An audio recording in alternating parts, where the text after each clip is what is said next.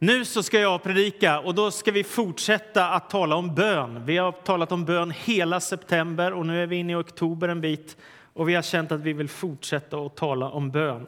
Och jag tänkte jag skulle få börja med en rolig historia om bön som inte är helt sann. Hoppas att det är okej. Okay.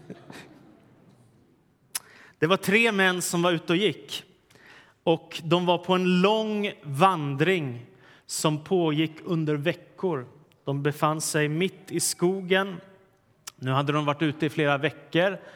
Och när de är på vandringen och lämnar skogen bakom sig och kommer ut i den vackra naturen så ser de framför sig, så de är inte riktigt förberedda på en jättebred flod. Den är gigantisk och den är jätteström och vattnet far förbi med väldig kraft så det är naturligtvis livsfarligt att ge sig ut. Och de vet inte hur djupt det är i vattnet. Därför blir de ju jätteoroliga. De sätter sig ner vid kanten, strandkanten vid floden och funderar på hur ska vi göra. De sitter och samtalar fram och tillbaka och de är livrädda för de måste ta sig över. Men där blir de kvar. Till sist så kommer de på en tanke. Vi måste be. Vi ska be. Så den första ber och så ber han Gud, ge mig starka armar och starka ben så jag kan simma över hela denna flod utan att det händer något allvarligt eller jag drunknar. Och så pang, helt plötsligt så får han sån här Karl Alfred-muskler och bara simmar rakt över. Men det tar nästan två timmar, så bred är floden. Så att nästa person som är i kö för att ta sig över floden, han kände det där var ju alldeles för jobbigt. Så han ber till Gud, gode Gud, ge mig starka armar och starka ben och någonting att ta mig över i över floden så, så han får jättestarka armar, han får jättestarka ben och pang så är det en båt där så han kan ro över och det tar ungefär en halvtimme. Den tredje är lite mer lat av sig och han tänker jag orkar inte varken simma eller, eller hålla på så där i en halvtimme med en båt. Jag måste be någon smartare bön. Så han ber en bön till Gud. Käre Gud, ge mig starka armar, starka ben, någonting att fara över i båten och gör mig tio gånger smartare. Och pang så händer det och så blir han kvinna. Eh, och inte nog med det, utan en ängel kommer och viskar i örat. Ja, du kan gå två minuter uppåt där över kullen och sen så tar du bron som finns på andra sidan.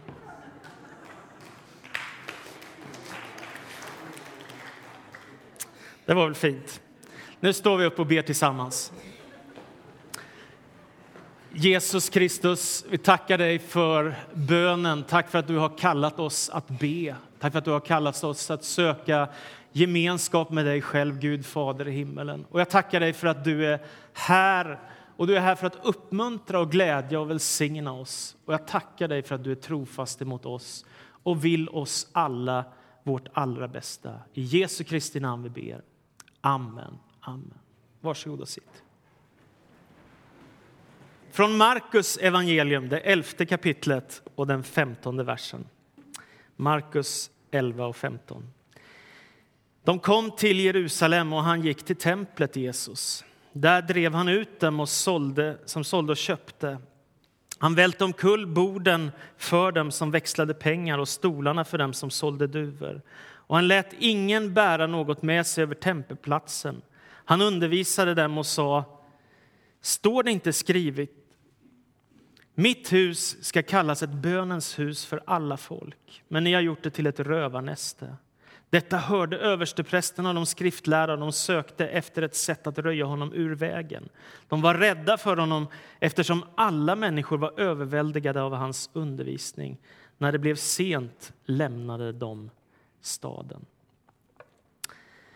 Det är naturligtvis någonting alldeles oerhört att bara tänka sig tanken att en vanlig, liten, dödlig människa kan få kontakt med Gud, med universums skapare. Det är något alldeles oerhört. För dig som har vuxit upp i en kristen familj som har levt med kristna föräldrar som har bett Gud som av kanske varje kväll med dig så kanske inte det känns så märkvärdigt. Men om du tänker på vad det är vi säger att vi gör, att vi talar med Gud som har skapat allt och kon får kontakt med honom som är vårt ursprung, då är det ett mirakel. Någonting alldeles fantastiskt. Och jag tänker mig också att djupast sett så längtar varje människa efter kontakt med Gud. Och det, jag tänker att det är det största äventyr man kan vara med om. Inte att ge sig av mot Himalaya eller ge sig av på värsta eh, naturutmaningen, utan faktiskt att få personlig kontakt med Gud, en personlig relation med Gud. Och Bibeln säger att vi är skapade för gemenskap med Gud. Där finns vårt centrum, där finns vår identitet, där finns vår livsglädje. Och Det är därför också det är så viktigt att kyrkan, församlingen, får vara en plats där människor kan söka Gud och finna Kristus och lära känna Kristus och få ta emot frälsningen och bli döpt i vatten och få börja det nya livet med Gud. Det är väldigt, väldigt viktigt att församlingen är en öppen gemenskap dit alla är välkomna. Och idag så skulle jag vilja lyfta fram fyra böner eller önskningar som Jesus skickar med sina lärjungar. Fyra stycken böner. Och den första kallar jag för Välkommen hem. Välkommen hem. Ett bönens hus för alla folk. När Jesus kommer till Jerusalem före påsk så går han mot Jerusalems tempel och han ser att den heliga platsen där Guds närvaro, helighet och härlighet ska uppenbaras och försoning och förlåtelse till, med, med, mellan människa och Gud ska uppstå så ser han hur platsen är förorenad och peng, pengaväxlar och försäljare står där. Människor som var ökända för att vara oärliga och lura av folk pengar och ta mer betalt än vad man behöver. Så Jesus gör något oerhört drastiskt. Han tar fram en piska och sen så går han fram, jag gissar att det är enda gången han går fram med lite våld. Och han slår och piskar, inte på människor, men för att de ska flytta sig framåt. Och så välter han omkull bord och pengar far hit och dit, tänker jag mig, och allt vad det kan vara som de har ställt upp där. Och så säger Jesus, står det inte skrivet, mitt hus ska kallas ett bönens hus för alla folk, men ni har gjort det till ett rövarnäste. Och så renar Jesus templet för att det ska just få vara en plats av bön, en plats av gemenskap med Gud, en plats där man söker hans närvaro och kraft till sitt liv. Jag tycker det är ett fantastiskt bibelord, ett bibelord om bönens hus för alla folk. Visst är det intressant? Det är det som profeten Jesaja säger i det 56 kapitlet och den sjunde versen. Det ska bli ett bönens hus för alla folk. Gud hade ju utvalt Israel. Ändå så ser profeten Jesaja framför sig hur människor från alla nationer och språk faktiskt ska söka sig mot detta centrum och hitta gemenskapen med Gud. Och när jag var alldeles ny i den här församlingen så fick jag med mig det här bibelordet. Av någon anledning så bara landade det i mitt hjärta, ett bönens hus för alla folk. Och då var vi mest svenskar här. Och så är det inte längre. Det tycker jag är fantastiskt. Utan nu är vi allt mer uppblandade. Vi kommer nog åtminstone från 15 olika nationer, vi som firar gudstjänst här nu. Det tycker jag är helt fantastiskt. Tänk att få vara ett bönens hus för alla folk. Och det som är så häftigt med kyrkan, som är helt unikt, tänker jag, det är att det spelar ingen roll överhuvudtaget vad man är för människa. Det spelar ingen roll om man är ljus eller mörk i sin hudfärg. Det spelar ingen roll om man är rik eller om man är fattig. Det har ingen betydelse om man har nått på toppen på karriärstegen eller om man är nybörjare och helt oerfaren. Det spelar ingen roll om man är gammal och sliten eller om man är ung och hungrig på livet. Det spelar ingen roll om man har köpt ett fint hus eller om man är flykting. Det spelar ingen roll om man har varit med i församlingen i 50 år eller om man blev döpt igår. Det spelar ingen roll om man är frisk som en nötkärna och lycklig och glad och livet sprudlar eller man är väldigt sjuk och livet är tufft. Det spelar ingen roll om man är välutbildad teologiskt och kan alla bibeltexter eller om man börjar slå i Bibeln för första gången. Det spelar ingen roll om man är nyexaminerad professor eller om man är förståndshandikappad. Inför Gud är alla människor lika. Kan du tänka dig att det står bokstavligt i Bibeln att Gud gör inte skillnad på människor. Det är fantastiskt. Det är jättestarkt. Gud gör inte skillnad på människor. Alla är lika mycket värda. Alla har samma värde. Jag tycker det är fantastiskt och det gör kyrkan så förtvivlat vacker. Att alla är välkomna och alla får vara med. Det är inte en speciell grupp av människor som passar in, utan alla som vill söka Gud är välkomna till hans gemenskap som är det eviga Gudsriket. Så välkommen hem, tänker jag. Det är det vi ska säga varje gång någon ny människa kommer. så Välkommen hem till Kristus, välkommen hem till Gud. Ett bönens hus för alla folk. Detta är en bön som Jesus ber. Låt det bli ett bönens hus för alla folk. Det andra, så ber Jesus en bön om att vi ska be skördens Herre, det vill säga Gud, om skördarbetare. Och det här är ett bildspråk från lantbruket. Och vad handlar det om? Jo, det handlar om att Gud vill att alla människor ska lära känna honom. Och Kristus vill dra i alla människor till sig själv, till gemenskap med sig själv. Och då används bilden av att få skörda, att få komma i kontakt med Gud. Och att det behövs skördarbetare, människor som finns som redskap för Gud för att nya människor ska hitta fram till Jesus. Och så säger Jesus, när han ser människorna som vandrar omkring. Ni får tänka er 2000 år tillbaka i tiden. Människor som kanske inte hade sjukvård. Människor som är födda kanske med olika skador och grejer och inte kan få hjälp av läkare och vad det nu är för någonting. Det är ett helt annat liv. När Jesus ser de här människorna så säger de är som får utan hede. Ännu en bild. Va? Människor som behöver hjälp. Och då säger Jesus, be skördens Herre att han sänder arbetare till sin skörd. På årshögtiden 2011, när jag hade varit pastor här i ett halvår, då lyfte vi fram det som vi hade pratat om skulle vara den nya visionen för vår församling som vi hade bearbetat en del i vår församlingsledning och som vi ville lyfta till församlingarna. Jag bestämde mig bokstavligen den söndagen när jag predikade för att jag skulle gå ner och öppna kyrkdörrarna som en liten bild eller illustration, en symbol för att här ska det strömma in massor av nya människor. Det är det som är själva grejen. Ja, det är fantastiskt att alla vi är här, men det finns ju tusentals fler människor, tror jag, i Karlstad som längtar efter att lära känna Gud. Som längtar efter att få lära känna Kristus och få ett nytt liv med honom. Jag är glad för att vi har döpt 35 människor sedan dess. Jag är glad för att vi har välkomnat 80-90 nya medlemmar som dess. Men jag tänker att det, det borde kunna finnas väldigt många fler som söker efter Gud. Och det bästa, roligaste exemplet vi har, nu får jag vara lite personlig då, det är Mehdi Azizi i vår församling som leder vårt multikulturella café. Under de här senaste åren har åtta av hans vänner blivit döpta här, eller en av dem i Falun. Visst är det fantastiskt? Det är det som det handlar om, att man kan få lära känna Kristus och få kontakt med Gud. Det är stort. Det är makalöst stort. Philip Yancey han har skrivit en jättetjock bok om bön som jag läst på 500 sidor ungefär, eller 400-500 sidor. Och han säger så här på ett ställe, det tycker jag är jättebra sagt. Bönens viktigaste syfte är inte att göra livet lättare och inte heller att erövra magiska krafter utan att lära känna Gud. Det är det som är det allra viktigaste av allt. Sen vill vi ha kraft, helig ande och kraft. Och vi vill ha liv och vi vill ha välsignelser och vi vill ha bönesvar, eller hur?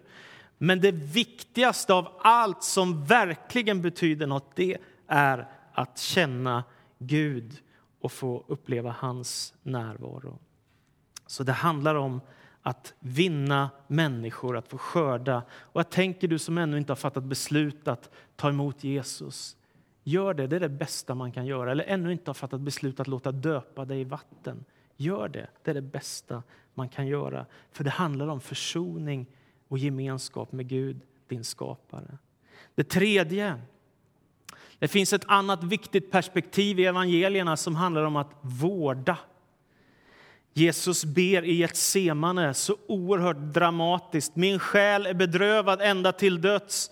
Och han säger till Petrus och de andra, stanna här och vaka och be tillsammans med mig. Den tredje bön som Jesus ber. Han ber naturligtvis många fler böner. Här så står han inför sitt lidande på Golgata kors när han ska bära hela mänsklighetens synd på sig själv. Och han inser vilken fruktansvärd kamp han är utsatt för och vad som väntar honom. Han har förstått vad Gud har tänkt och förberett. Han hamnar i en sån djup ångest att det står att han svettas blod. Det är obegripligt. Hur kan man svettas blod? Men det är det som händer, säger evangeliet med Jesus. Han hamnar i så djup ångest att han svettas blod. Och han ber sina lärjungar om att be tillsammans med honom, men de är så trötta så de somnar. Visst är det typiskt, typiskt oss lärjungar? Ja, och så går han bort och så ber han igen och så kommer han tillbaka när de somnat igen. Och så går han bort en tredje gång och så har de somnat igen. Helt fantastiska bönemänniskor. ja, de somnar hela tiden. Jag inser det var väl sent antagligen. Men här finns ett perspektiv till som är väldigt viktigt i församlingen och det är att i bön och i kärlek dela livet med varandra och vårda sig om varandra. Ibland händer det med dig och med mig att vi säger som Jesus, min själ är bedrövad. Mitt liv är tungt, mitt liv är svårt, jag orkar inte det för mycket. Ni vet hur det kan vara. Och då är det väldigt skönt att kunna säga till någon annan, stanna här, vaka och be med mig. Bär varandras bördor, säger aposteln Paulus. Och jag tänker att det handlar om att dela varandras liv, glädjeämnen och sorger. Det handlar om att be för varandra, ta med varandra i förbön. Det handlar om att hjälpa varandra praktiskt i vardagen. Jag kommer ihåg en sån här härlig grej. Vi var med i en smågrupp för många år sedan. Och så helt plötsligt kom det en ny familj och de hade inget matbord och vi hade ett extra. Bara ge bort direkt. Liksom. Så där praktiskt, hjälp varandra. Det är någonting fantastiskt. Och jag tänker att, att vara församling det är också att vi tillhör ett folk som är på väg hem till Gud. Vi är ingen vanlig gemenskap, utan vi tillhör Gud och vi tillhör varandra. Det är något alldeles enastående. Och vi är på vandring, vi är pilgrimer på väg hem till Gud. Låt mig få ta ett exempel, en berättelse som är sann, som är helt makalös. En pastor på 80-talet i Rumänien när det var väldigt, väldigt svårt och en regim som var väldigt korrupt och det var mycket förföljelser, orättvisor, orättfärdigheter. Då fanns det en man som hette Laszlo Tokes. Han kom till en liten församling med 40 medlemmar. De hade en ganska stor kyrka, men 40 medlemmar var de bara. Och han bestämde sig för att jag måste göra något. Det är så mycket människor som drabbas av svårigheter och förtryck i vårt land, så jag måste göra någonting. Så han börjar i sina predikningar att våga ta upp känsliga ämnen, våga protestera mot orättvisor och orättfärdighet i samhället och girighet och allt som händer. Och det går bara en liten tid så tiodubblas församlingen i antal medlemmar. Så helt plötsligt är man 500 bara på en kort tid. Kyrkan är sprängfylld varenda söndag. Vad händer då? Då börjar polisen bli orolig. Så polisen funderar på hur ska vi kunna gripa honom och sätta fast honom för något brott. Det börjar de fundera på. Och så bestämmer de sig i alla fall en dag för att de ska hämta pastor Tokes i hans hem och så ska de sätta honom i fängelse. Men ryktet går på något sätt bland de kristna.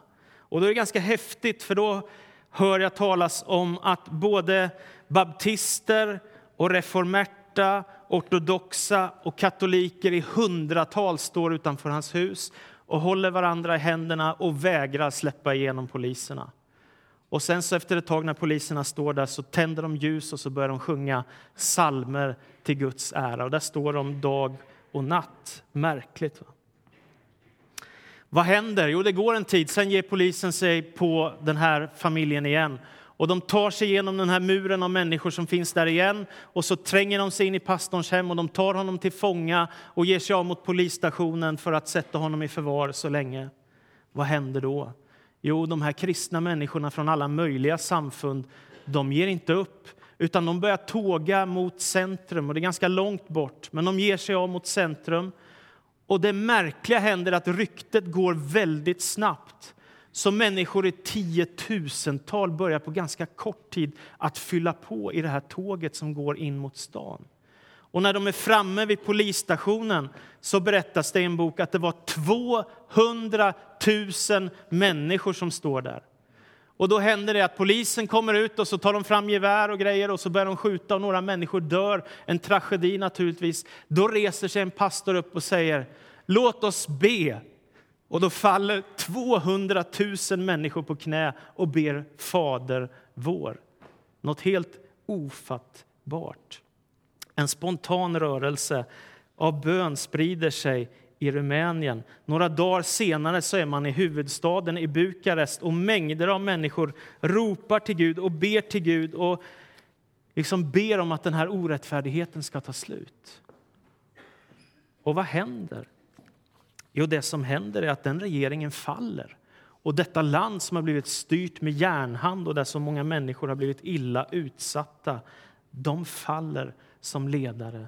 Och rörelsen börjar med en liten pastor som ställer sig på de svaga sida, en liten församling med 40 medlemmar. Visst är det ganska fascinerande? Jag tycker det var en fantastisk berättelse. Jag blev så inspirerad när jag läste den. Tänk att några få människor med sin bön och med sin järvhet och aktiva handling kan vara med och påverka mycket för att människor som har det svårt ska få det bättre. Då tänker du så här, men det där kommer jag aldrig få vara med om. Och jag tror att du har helt rätt. Inte jag heller. Antagligen inte såna otroliga saker. Men det finns något i att hjälpa en människa. Det finns något i att rädda en människa. Det finns ett judiskt ordspråk som säger den som räddar en person räddar hela världen. Och det är jättebra sagt. Det ligger så mycket i det. Den som vill hjälpa någon gör någonting gott som förändrar världen. Och jag tänker att vi som församling vi kan göra skillnad. Vi kan bry oss om andra människor. Vi kan höra av oss till någon som är sjuk. Vi kan bry oss om någon som är ledsen. Vi kan hälsa på någon som sörjer. Vi vet kanske om att det finns barn som har det svårt, som lever i en familj med missbrukare. Där kan vi finnas och hjälpa till. Eller det kanske är någon som lever med svåra livsomständigheter. Då kan vi komma mitt in i komplicerade livsomständigheter och säga här är vi och vi är kristna och vi vill gärna vara till glädje för dig. Och jag bara tänker på, tänk som en sån fantastisk sak att vi i vår, vårt missionsarbete både i Thailand och i Bolivia hjälper barn vars föräldrar sitter i fängelse och barnen också sitter i fängelse eftersom föräldrarna är där. Var ska de annars vara någonstans? Det där, sånt håller vi på med. Det är jag så fruktansvärt stolt över. Det sista, det är inte bara att välkomna, vinna och vårda utan vi ska också växa som människor. Och En önskan som Jesus har det är när han talar om ledarskap, en bön han bär. Vad är det för typ av ledare som kyrkan behöver? Vad är det för typ av ledare som en församling är i behov av? Ja, då säger Jesus när han undervisar om ledarskap, så säger han, med kungarna och herrarna vet ni hur det är. De använder sig av makt för att styra folken, säger han. Men med er är det annorlunda. Och så säger han, den som vill vara ledare ska vara som tjänaren.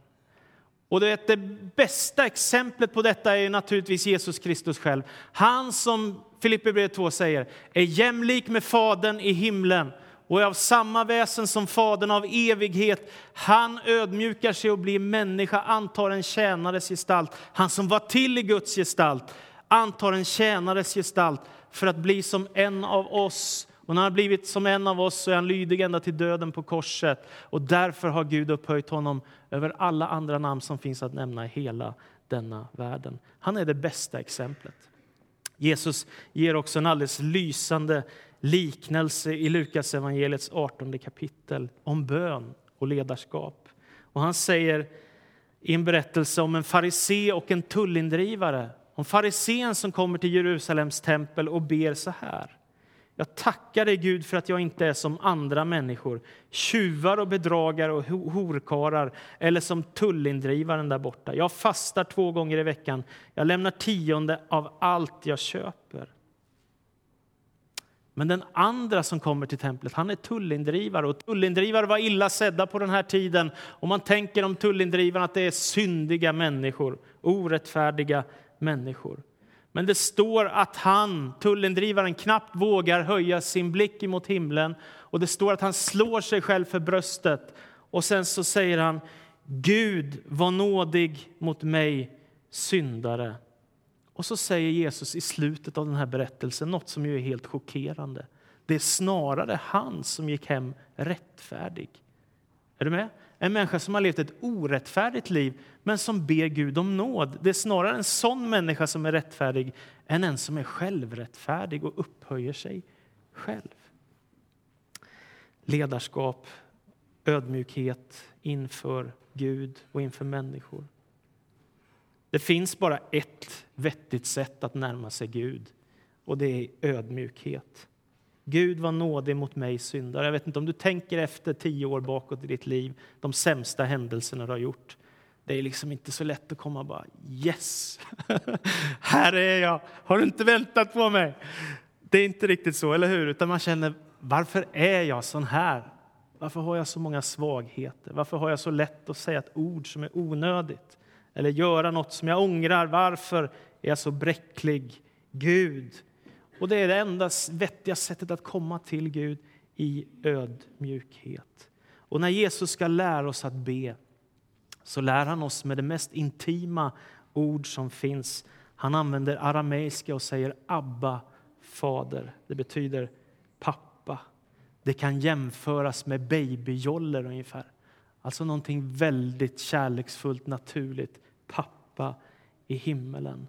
Den bönen och den närheten ger Jesus oss. Och han lär oss att som ledare våga tänka att vi får komma inför Gud i ödmjukhet och så får vi tjäna andra människor. Vilken lycka det är. Paulus skriver i Filipperbrevets första kapitel, den nionde versen. Min bön är att er kärlek ständigt ska växa och bli rik på insikt och urskiljning så att ni kan avgöra vad som är väsentligt. Vilken viktig bön! Att inte slösa bort livet, utan att det blir viktigt.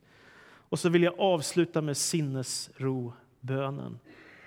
Det är en väldigt bra bön. Så här lyder den. Gud, ge mig sinnesro att acceptera det jag inte kan förändra.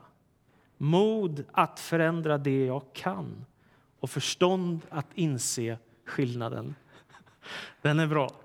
Gud, ge mig sinnesro att acceptera det jag inte kan förändra, mod att förändra det jag kan och förstånd att inse skillnaden.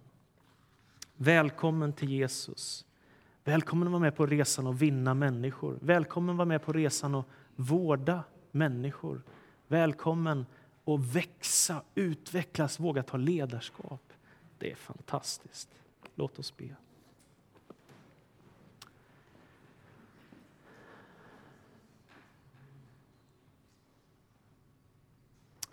Jag ber att du skulle verka i djupet av våra hjärtan. Att vi får tro att det omöjliga är möjligt och det du har förberett och tänkt för oss, att det är möjligt, Herre. Tack för att inget är omöjligt för dig, Gud. Och jag ber, Herre, att du skulle verka i våra liv, i vår stad, i vår gemenskap. Herre, vi längtar efter att vara en kärleksfull gemenskap. Vi längtar efter Även om vi är helt vanliga bräckliga människor, att din Andes kraft och närvaro skulle få uppenbara sig bland människor i vår stad. Herre. Vi längtar efter att de som är sargade av livet skulle få uppleva helande och hälsa. Vi, vi längtar efter att sjuka skulle få bli friska. Vi längtar efter att se din kraft röra sig i vår stad, Herre. Ja, det är min bön att det skulle få ske mycket och ofta, Jesus. Och jag tackar dig för att du älskar oss och du är god emot oss och du vill vårt allra bästa. Därför överlåter vi oss själva i dina allsmäktiga och barmhärtiga händer. I Jesu namn vi ber. Amen.